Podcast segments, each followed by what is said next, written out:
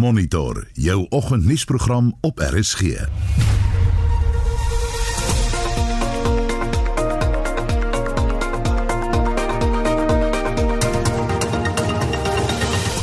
die program die voormalige leier van die DA, Musi Maimane, vra ouers en leerders om die klaskamer vandag te boikot.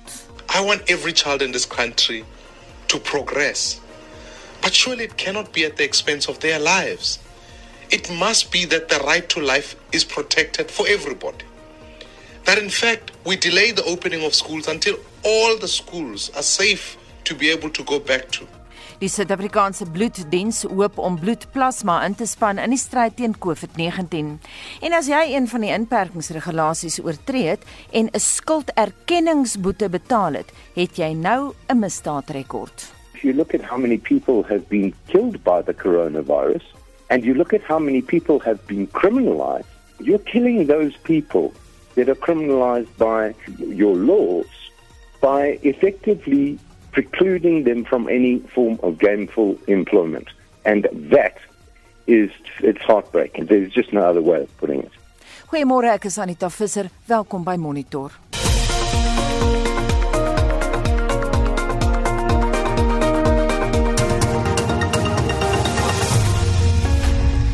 Sowat 23000 Suid-Afrikaners het glo skulderkenningsboetes betaal nadat hulle COVID-19 regulasies oortree het. Maar daardie mense het nou misdaadrekords al is dit vir die mees geringe oortreding. Later vanoggend het ons meer oor hierdie tamaletjie. Laat ons intussen weet, wat is jou ervaring van die regulasies? Gesels saam by 45889. Onthou die SMS se kos R1.50 of jy kan gaan na facebook.com vorentoe skynstreep z ZRSG of as alternatief WhatsApp vir ons stemnota onthou nie langer as 30 sekondes nie na 076 536 6961 076 536 6961 Mense wat skulderkenningsboetes vir oortredings van die inperkingsregulasies betaal het, het nou 'n misdaadrekord. Volgens die minister van Polisie, Bekkie Cele, is sowat 277 000 mense in die Grendel tydperk vir die oortreding van regulasies in hegtenis geneem. Sowat 23 000 van hierdie mense het skulderkenningsboetes betaal, maar ten minste vir die volgende 10 jaar het hulle nou 'n misdaadrekord. Dis nou volgens die voorsitter van die Justice Project South Africa, Howard Dembowski, dit sê hy maak die lewe moeilik. Well, once you've been arrested and your fingerprints have been taken and a docket has been registered, if you pay an admission of guilt fine, that is the equivalent of being convicted in a court of law.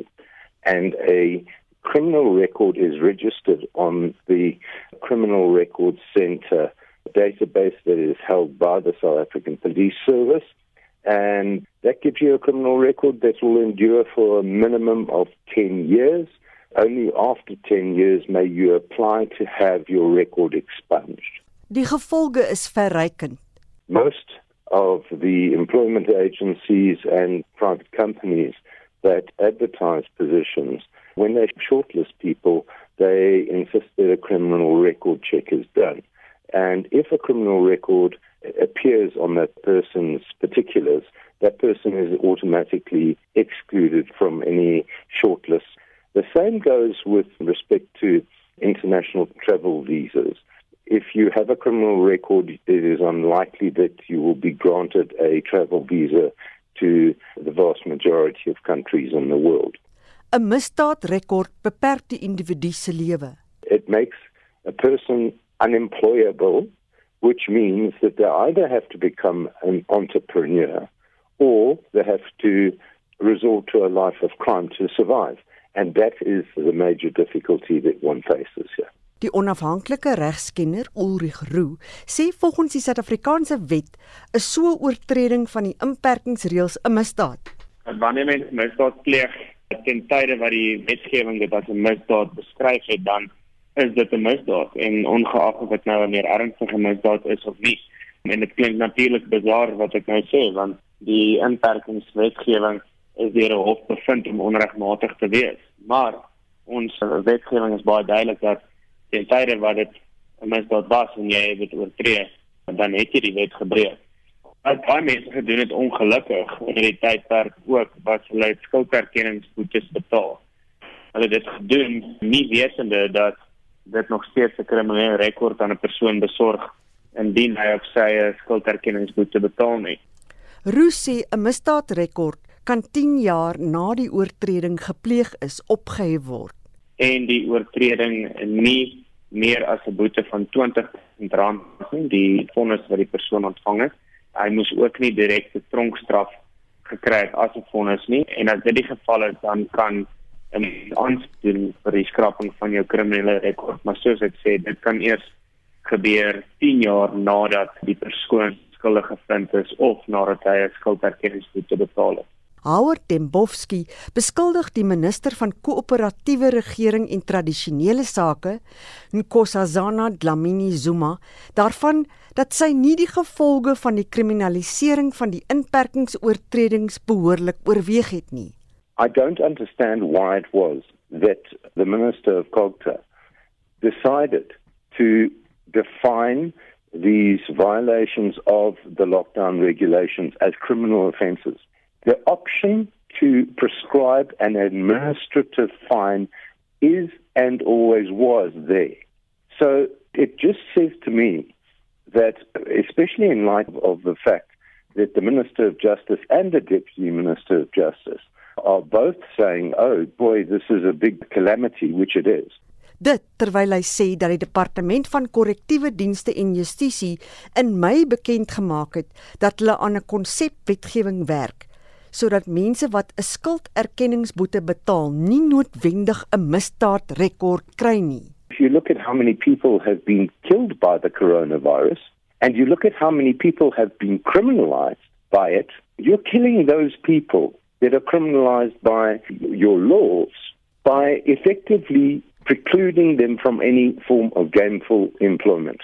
And that, it's heartbreaking. There's just no other way of putting it. Dit was die voorsitter van die Justice Project, Howard Tembowski.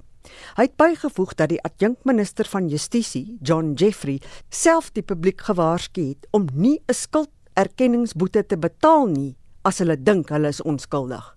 Mitsi van der Merwe SAK nuus. Die sekretaris-generaal van die Verenigde Nasies, Antonio Guterres, waarsku dat die vredesproses in Libië gestrem word deur 'n hoë vlak van buitelandse militêre inmenging strydig met 'n VN-wapenverbod. Guterres het tydens 'n vergadering met verskeie buitelandse ministers gesê die konflik het weens die inmenging 'n nuwe fase betree. Suid-Afrika se minister van internasionale betrekkinge en samewerking, wat ook die vergadering bygewoon het, Naledi Pandor waarsku dat die opbou van buitelandse militêre magte besig is om gewone Libiërs se lewens te ontwrig. Die olieryke land het in chaos verval na Muammar Gaddafi in 2011 uit die kussings gelig is. Die land is sedertdien verdeel tussen 'n VN-gesteunde eenheidsregering en die Libiese nasionale weermag wat die ooste beheer. So het Guterres die situasie uitgespel. Time is not on our side in Libya. The conflict has entered a new phase with foreign interference reaching unprecedented levels, including in the delivery of sophisticated equipment and the number of mercenaries involved in the fighting. We are very concerned about the alarming military build-up around the city and the high level of direct foreign interference in the conflict in violation of the UN's arms embargo, UN Security Council resolution, and the commitments made by member states in Berlin. De escalation efforts, including the creation of a possible demilitarized zone, are being undertaken by UNSMIL to reach a negotiated solution and spare lives. Pretoria het sy siening herbevestig dat blywende vrede en stabiliteit in Libië net deur 'n politieke oplossing kan kom.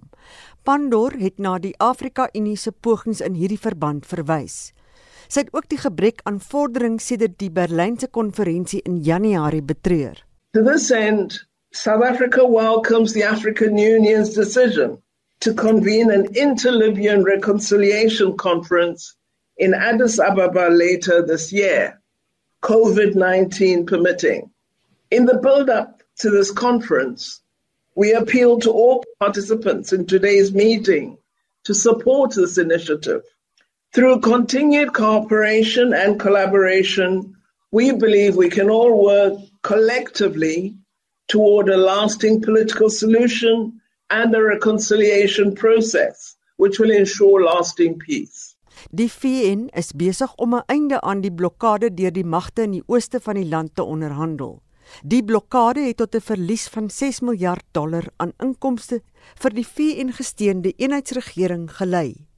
Hierdie verslag deur Sherwin Bryce Peace in New York. Mitsi van der Merwe, SAK nuus.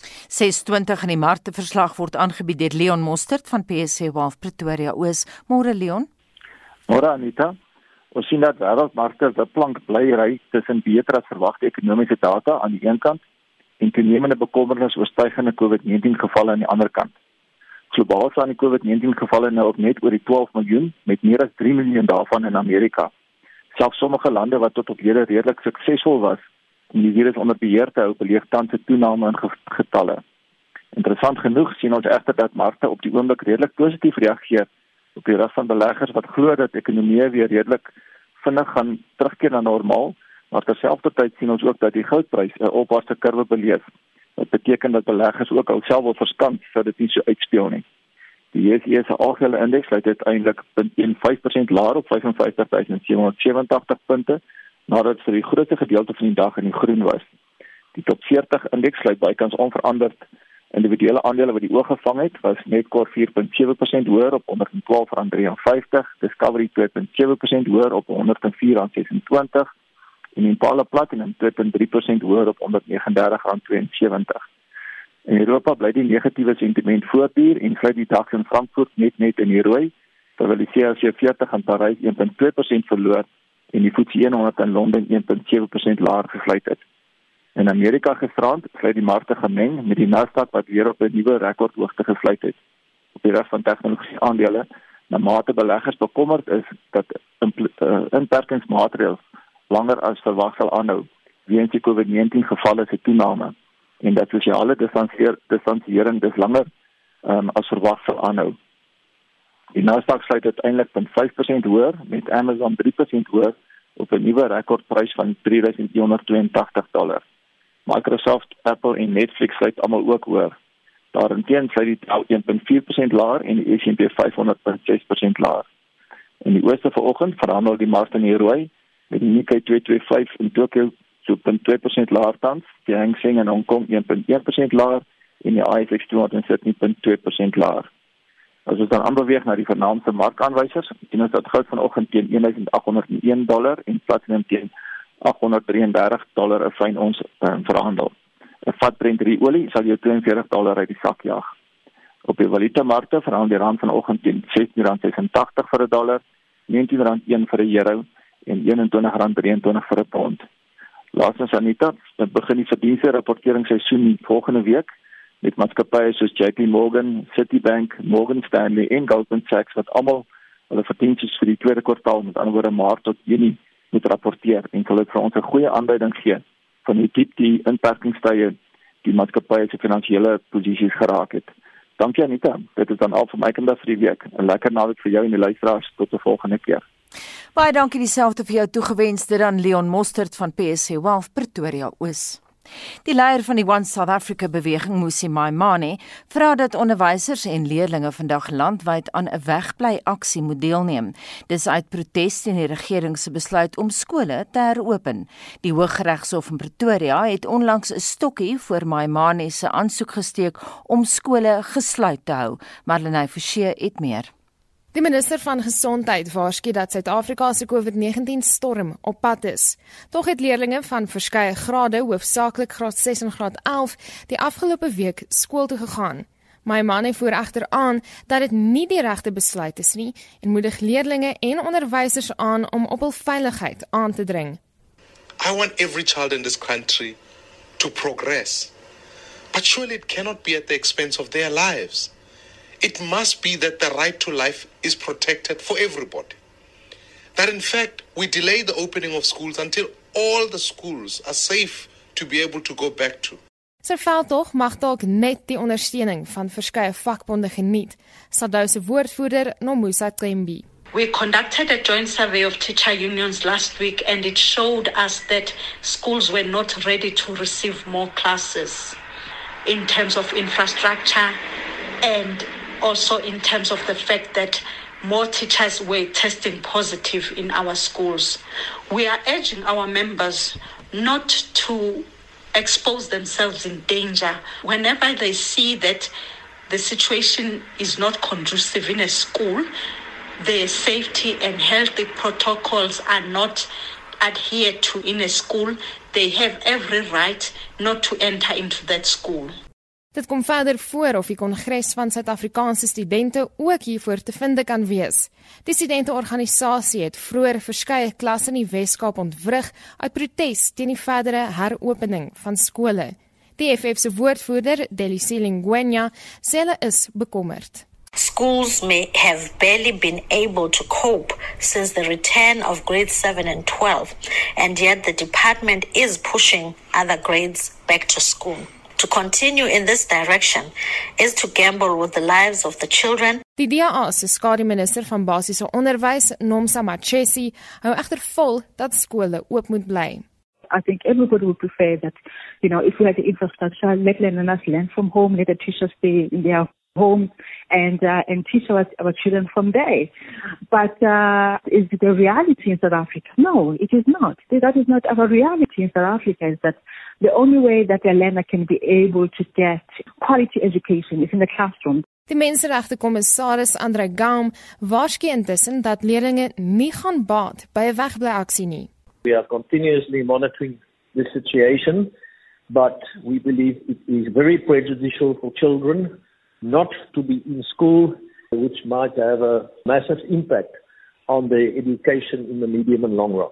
Of my man se betoog ver gesog is, sal net die tyd leer. Intussen het Kenia sy skooljaar tot niet verklaar. Skole in die land heropen eers weer volgende jaar weens die pandemie. Hierdie verslag is saamgestel deur Bosie Chimombe, ek's Marlene Forsie vir SAK nuus. Jy luister na Monitor elke weekoggend tussen 6 en 8. 632 en in die nuus 6 nuwe gevalle van SAIK werknemers wat die koronavirus opgedoen het, is sedert die begin van die maand aangemeld. Die voormalige president van Liberia, Ellen Johnson Sirleaf, en die voormalige premier van Nieu-Seeland, Helen Clark, is aangestel as die voorsitters van 'n nuwe paneel wat die reaksie op die koronavirus pandemie sal ondersoek. En die Suid-Afrikaanse bloeddiens hoop om bloedplasma in te span in die stryd teen COVID-19. They'll either get the treatment, one dose of convalescent plasma, which is about 200 to 250 ml of convalescent plasma, or they will get a placebo, which will be a saline. They will be followed over 28 days, and a number of primary outcomes will be looked at. The obvious one is a reduced mortality, admission to ICU, discharge from hospital, viral load, antibody levels. Bly ingeskakel. Daar is geen verkeer. Ons begin in Gauteng waar die Johannesburg op die N1 suidwaarts ons 'n stilstaande voertuig het net na die 14de land afrat afrit. Vir treinpendelaars ook in Gauteng Metrorail het laat weet weens kabeldiefstal by Pinaarspoort sal treine voor Mamelodi Gardens omdraai en nie Pinaarspoort bereik nie. In Kaapstad weer het ons Chapman Speak Rylaan wat gesluit is weens hier weer. In KwaZulu-Natal op die N3 vind daar padwerke plaas by Van Reenenspas tussen Nottingham weg en Tweedy, asook naby Warden en die Wilgeplase. Ry asseblief versigtig. Indien jy vir ons 'n wenk wil stuur, SMS 45889, onthou dit kos R1.50, begin die SMS met die woord verkeer. En so van SMS'e gepraat, Vincent, hoe lyk die terugvoer vir oggend? Net ons luisteraars vraag handel oor die 23000 Suid-Afrikaners wat glo skulderkenningsboete betaal het na hulle COVID-19 regulasies oortree het. En so vra ons ons luisteraars vandag, wat is hulle ervaring met die regulasies? En ons het hierso op Facebook sê Randy Young een woord belaglik. En Renwillie de Jong sê as jy wetteloos wil wees, moet jy die gevolge dra. Wette is wette. As jy 'n goeie verweer het, kry 'n prokureur, maar as jy kom gebruik eerder die woord moeilikheid, as jy moeilik ongemaklikheid gesoek het, kry vir jou. En kommentaar een van hulle is um Nick Lou wat sê gee vir my een wet wat oortree is wat niks met die COVID-19 te doen het, te doen het nie. En dan het ons ook 'n uh, uh wat sou naam Helena Smit, daar sê ehm um, sy sê waar is die Kamma wette nou wat deur die hof ongrondwettig verklaar is? Daarvan weet jy seker ook nie.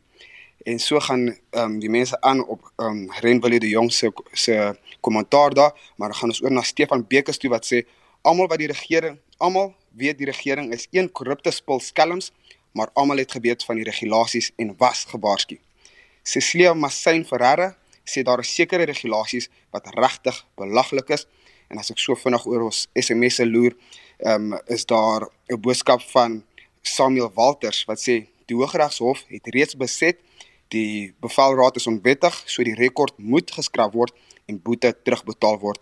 Is Samuel Walters se kommentaar daar. Ons wil dan verder by ons luisteraars weet, ehm um, wat is jou ervaring met die regulasies? Stuur vir ons jou boodskap na 45889. Onthou dit kos R1.50 per SMS of jy kan na Facebook toe gaan en daar kan jy ons Facebook bladsy kry. Mense gesag lekker daar saam. Dit is facebook.com vorentoe skynstreep ZARSG of as alternatief WhatsApp vir ons jou stemnota en hou hulle so 30 sekondes en die nommer is 076 536 6961. Ek herhaal hom 076 536 6961. Jy luister na Monitor en hier is Shaun Jooste met die jongste sportnuus. Kom ons kyk na 'n paar uitslae en wat die naweek voorlê. Op die cricketveld het die Windies dag 2 van die eerste toets teen Engeland op 57 vir 1 in hulle eerste beurt geëindig nadat hulle die tuisspan vir 204 uitgeboonder het. Hulle het 'n agterstand van 147 lopies. Op die rugbyveld in Nieu-Seeland se plaaslike Super Rugby kompetisie met die Crusaders, môreoggend net na 9 in Christchurch teen die Blues en die Hurricanes sonoggend 5:35 in Wellington teen die Highlanders kragte. En in Australië se plaaslike toernooi kom die Rebels net na 11 in Brookvale teen die Reds en die Waratahs môreoggend kwart oor 11 in Sydney teen die Western Force te staan. Motorsport. Die 2020 Formule 1 seisoen word hierdie naweek in Oostenryk voortgesit en die wedren vind Sondagmiddag kort na 3 plaas. Dit is die tweede agtereenvolgende Grand Prix by die Red Bull Ring. Sokker. Die tellings in gisteraand se Engelse Premier Liga wedstryde was Aston Villa 0, Manchester United 3, Everton 1, Southampton 1 en Bournemouth 0, Tottenham Hotspur 0. Môremiddag 4uur draf Liverpool teen Burnley, die aand half 7 is Sheffield United teen Chelsea en 9uur Brighton en Hove Albion teen Manchester City op die veldtyd. Wolves en Everton pak mekaar Sondagmiddag 1uur, Tottenham en Arsenal mekaar half 6 en Bournemouth en Leicester City mekaar die aand 8uur. In die Spaanse La Liga het Athletic Bilbao 2-1 teen Sevilla verloor. Vanaand teen hier speel Real Madrid teen Alaves, môre aand half 8 Villarreal teen Barcelona, 10uur Atletico Madrid teen Real Betis en Sondag aand 10uur Sevilla teen Mallorca. In die Serie A in Italië het Verona en Inter Milan 2-1 gelyk op gespeel. Môremiddag kort na 5 sê Lazio en Sassuolo die aand 9:45 Juventus en Atalanta en Sondag aand dieselfde tyd Napoli en AC Milan mekaar die stryd aan. Op die golfbaan het die plaaslike Karen Morakawa op 7 onder die voortou na die eerste ronde van die Workday Charity Ope geneem. Louis Oosthuizen vaar die beste onder die Suid-Afrikaners en is gesamentlik sewende op 4 onder. En Joos Luiten van Nederland op 7 onder is die voorloper na die eerste ronde van die Oostenryk Ope. Suid-Afrika se Hayden Porteous is gesamentlik 139ste op 9 oor. En laastens in tennisnuus. Die Ultimate Tennis Showdown reeks kom hierdie naweek tot 'n einde. In môre se kwart eindstryde met Alexei Poprin van Australië teen die Duitser Dustin Brown, die Griek Stefano Tsitsipas teen David Goffin van België, die Spanjaard Feliciano Lopez teen die Fransman Elliot Benchetri en Richard Gasquet ook van Frankryk teen sy landsgenoot Benoit Paire. Shaun Schuster, SAK Sport. Vir meer as 50 jaar is Shoprite nog altyd hier vir jou en ons belofte van lae pryse op alles wat jy benodig sal nooit verander nie. Kry 900g Harvest-Time gemengde groente slegs 19.99 en 'n pak van 80 Freshpack rooibos teesakkies net 39.99. Moenie uitmis nie. Pryse geldig tot 12 Julie slegs by Shoprite, jou een-stop winkel vir veiliger inkopies.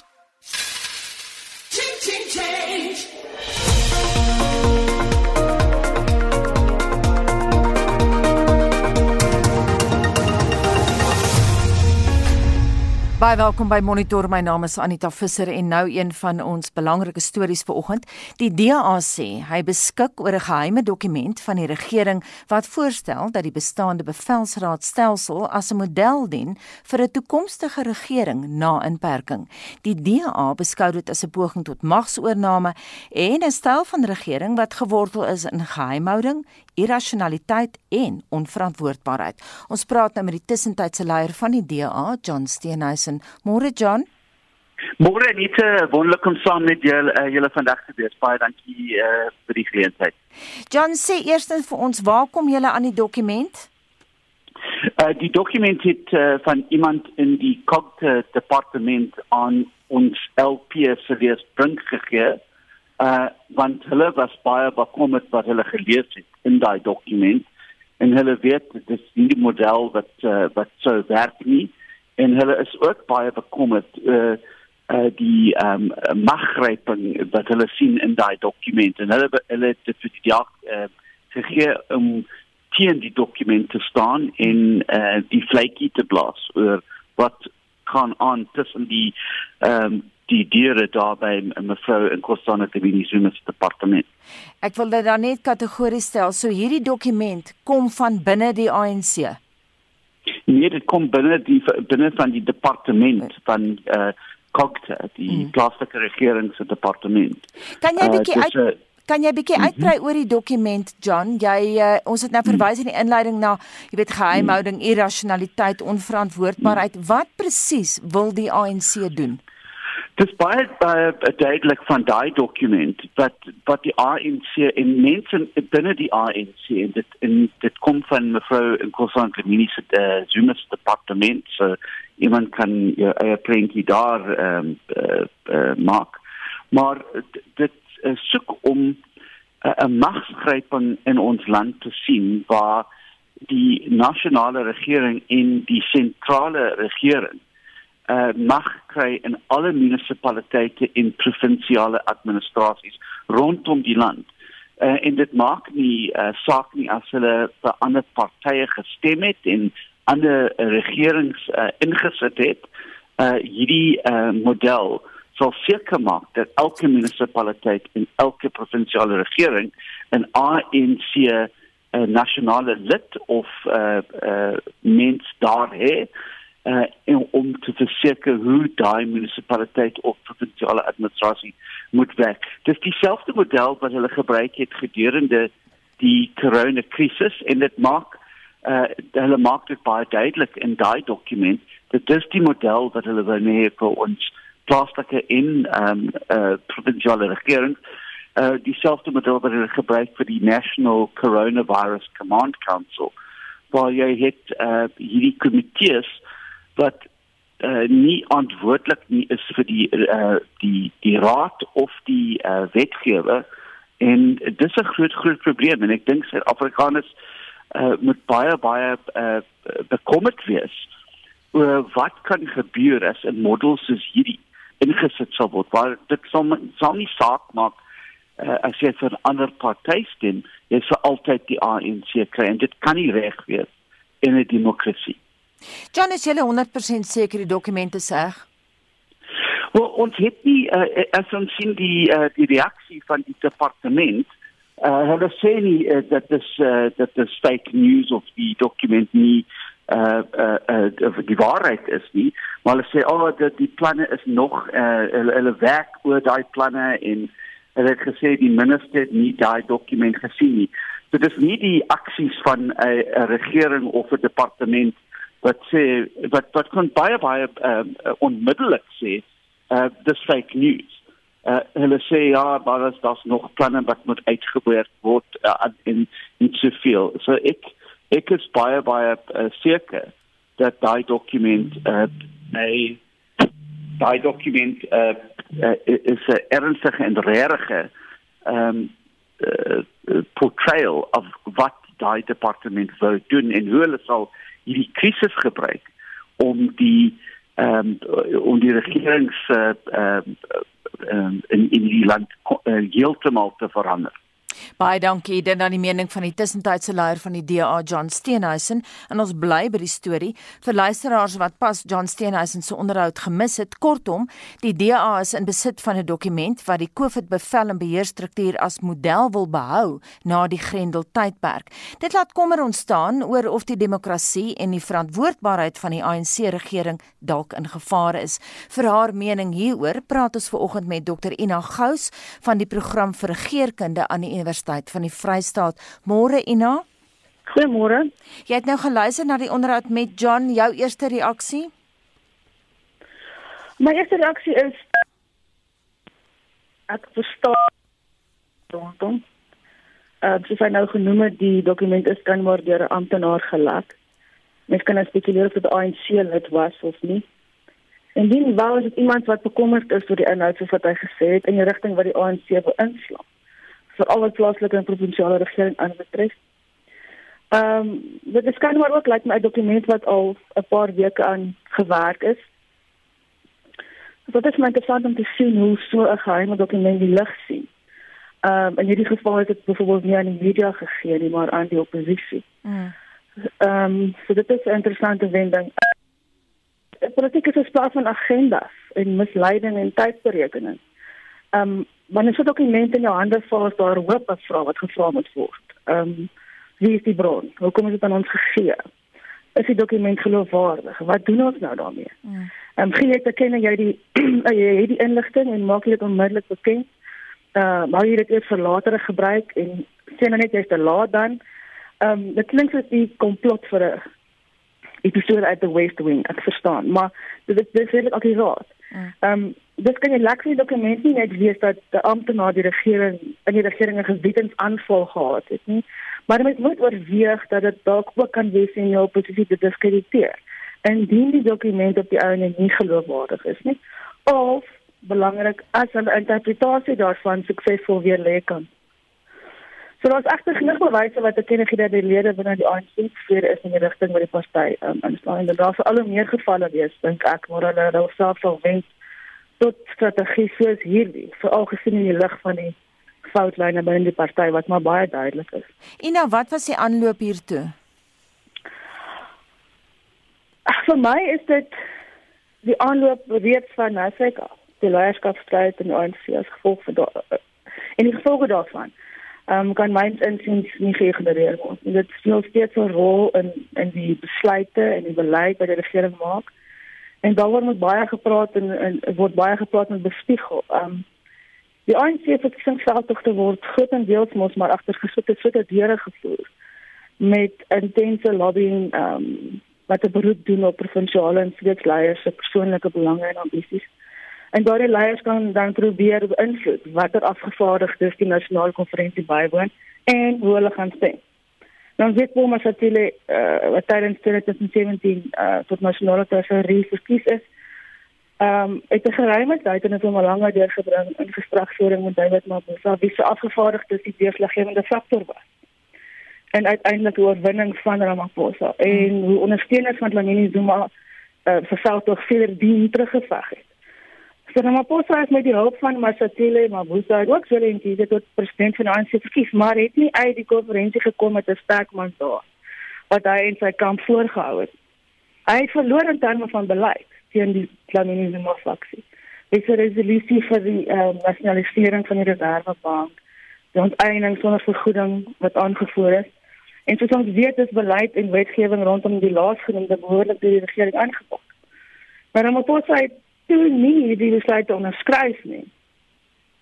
Maar die invloed van daardie kant van ANC leierskap is nie iets wat hy kon ignoreer nie. En ek dink in die geval van die manier waarop die pandemie bestuur word, sien ons hierdie invloed steeds veral gesien in die lig van die feit dat daar nou baie mag is in die hande van Lamini Zuma, dankse die bepaling van die rand um, wetgewing. Mhm. Mm en nou ontleed jy die COVID bevelstruktuur? Die nasionale uh, bevelraad wat ek nou hoop die regte vertaling het 'n baie mag, maar daar is kommer omdat dit blyk dat dit ook ondeursigtig is. Niemand weet wie regtig daarop sit nie of hoe dit werk nie of hoe hoe verantwoordbaar dit is aan die parlement nie en hoe dit gekom het dat so 'n groot deel van ons lewens nou deur die raad gedikteer word. Uh daar's blykbaar 19 ministers van die kabinet en die direkteurs-generaal, die hoof van die nasionale weermag, die nasionale polisie kommissaris wat stil is, ehm um, word verbind en dan 'n sekretariaat. Nou daar was ook aansoek om duidelikheid te kry uh, en dit het beweer dat dit wil voorkom asof die bevelraad ten minste twee vorme van mag uitoefen. Die eerste is statutêre reguleringsmagte en die tweede uitvoeringsmag waar van die koördinering en die bestuur van die ramp. Want ons het mos nou in 'n staat van nasionale ramp nog steeds mm. in gevolge die nasionale rampwet. So dit lyk asof die sentralisering van mag wat gevorm is in die mate dat sodanige sentralisering toelaatbaar is, uh weet sal die bevelraad se wetsontwerpe moet uitvoer onder 'n wettige afvaardiging van die nasionale uitvoerende gesag. Maar die regeringsstelsel is ondersigtig op die oomblik. En enige pogings om enige amptelike dokumentasie vir die oprigting van die bevelraad op te spoor of om 'n wettige delegering van funksies te voorsien, het tot 'n groot mate uh, nie resultaat resultaat opgelewer nie. En dit blyk dat sodanige dokumentasie dalk nie eens bestaan nie. Alternatiefelik en dien dit bestaan dit nie openbaar beskikbaar gestel is nie. Ehm um, met daas gevra in die presidentskap of dit wet, die wettigheid van die erfbergingsregulasies kan beïnvloed al dan nie. Want daar's baie vrae oor die bevaarraad se magte en al kom oor die skynbare verset teen behoorlike parlementêre oorsaak. Hmm. En hierop het die presidentskap gereageer dat die bevelsraad maar eintlik net baie standaard uh, interministeriële komitee is uh, wat ingestel is en selfs al word iets as iets anders geprojekteer um, tydens die ramp. En nou, um, mm -hmm. wie is tans in beheer van regeringsbesluite oor COVID? Daar is eintlik onduidelikheid hieroor wat natuurlik lei tot spekulasie. Daar word veral uh, wanneer dit kom by die bevelsraad gevra of die raad aanbevelings maak by die kabinet en die president dan oorweeg en finaal besluit en of die bevelsraad wel die besluite neem uh die kabinet dit bekragtig en die president dan die besluit gewoon aankondig. Maar as die bevelraad self besluite neem oor die sluiting en die inperking, ehm um, wat dan en dan nie so maar voorgeskryf word vir formele implementering of besluite neem wat deur die kabinet bekragtig word, sou hierdie besluite onwettig en ongeldig wees volgens regskenners. En dit is problematies. Dis omdat die bevelraad soos die woordvoerders van die president aangedui geen grondwetlike status het nie en sy besluite, sogenaamde besluite, dit geen krag op die effek sou hê nie. Maar dis nie die ervaring wat ons het nie. Dit blyk dat dit wel die geval is. So die kritiek in die kamer hier is dat dit blyk dat sedert die verklaring van die ramptoestand die onbeperkte mag aan die minister van sonwerkende regering haar die de facto president gemaak.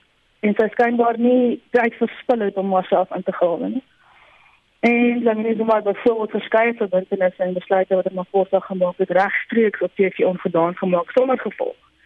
En daar's baie vrae ehm um, daaroor veral met by by gewone mense. Hmm, veral oor die sigaretverbod. Kyk, dit is 'n baie irrasionele verbod wat steeds daar is. Ek dink nie ek dink die, die president het ooit voorsien dat daar jy weet sulke omstandighede sou wees nie. Ehm um, waar hy so so van mag en dan nie so maar se se se se anders sou sit. En dit is 'n spannende situasie. Daar's geen rede vir die irrasionele verbanning.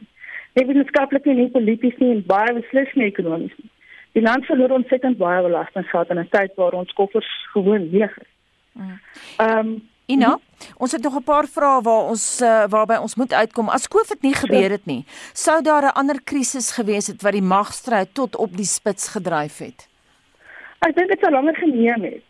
Maar dit sou natuurlik gebeur het. Ons het onthou die ANC se leierskapskonferensie in 2022. Dis net 2 jaar. Mm. En die pandemie het tot die gevolg gehad dat regeringsplaasers en algemene swak regering uh nie net van nie net Ramaphosa nie, uh, maar ook beslis op die Zuma jare en self voor op baie meer spesifieke maniere blootgelees. Daar was geen manier meer om byvoorbeeld die verval van die openbare gesondheidsektor weg te steek. Die inperking het duidelik nie genoeg tyd gegee uh, om vir 'n pandemie voor te berei en baie van ons provinsies nie.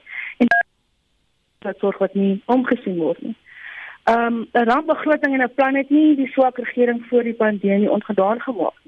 En dieselfde onbekwame mense sit steeds in hulle posisies voor reg oor die land.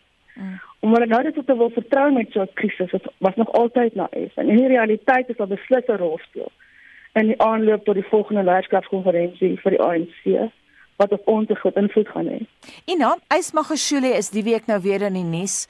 Hy preek op sit uh, Citizens se voorblad. Gaan ons sy stem toenemend nou weer begin hoor?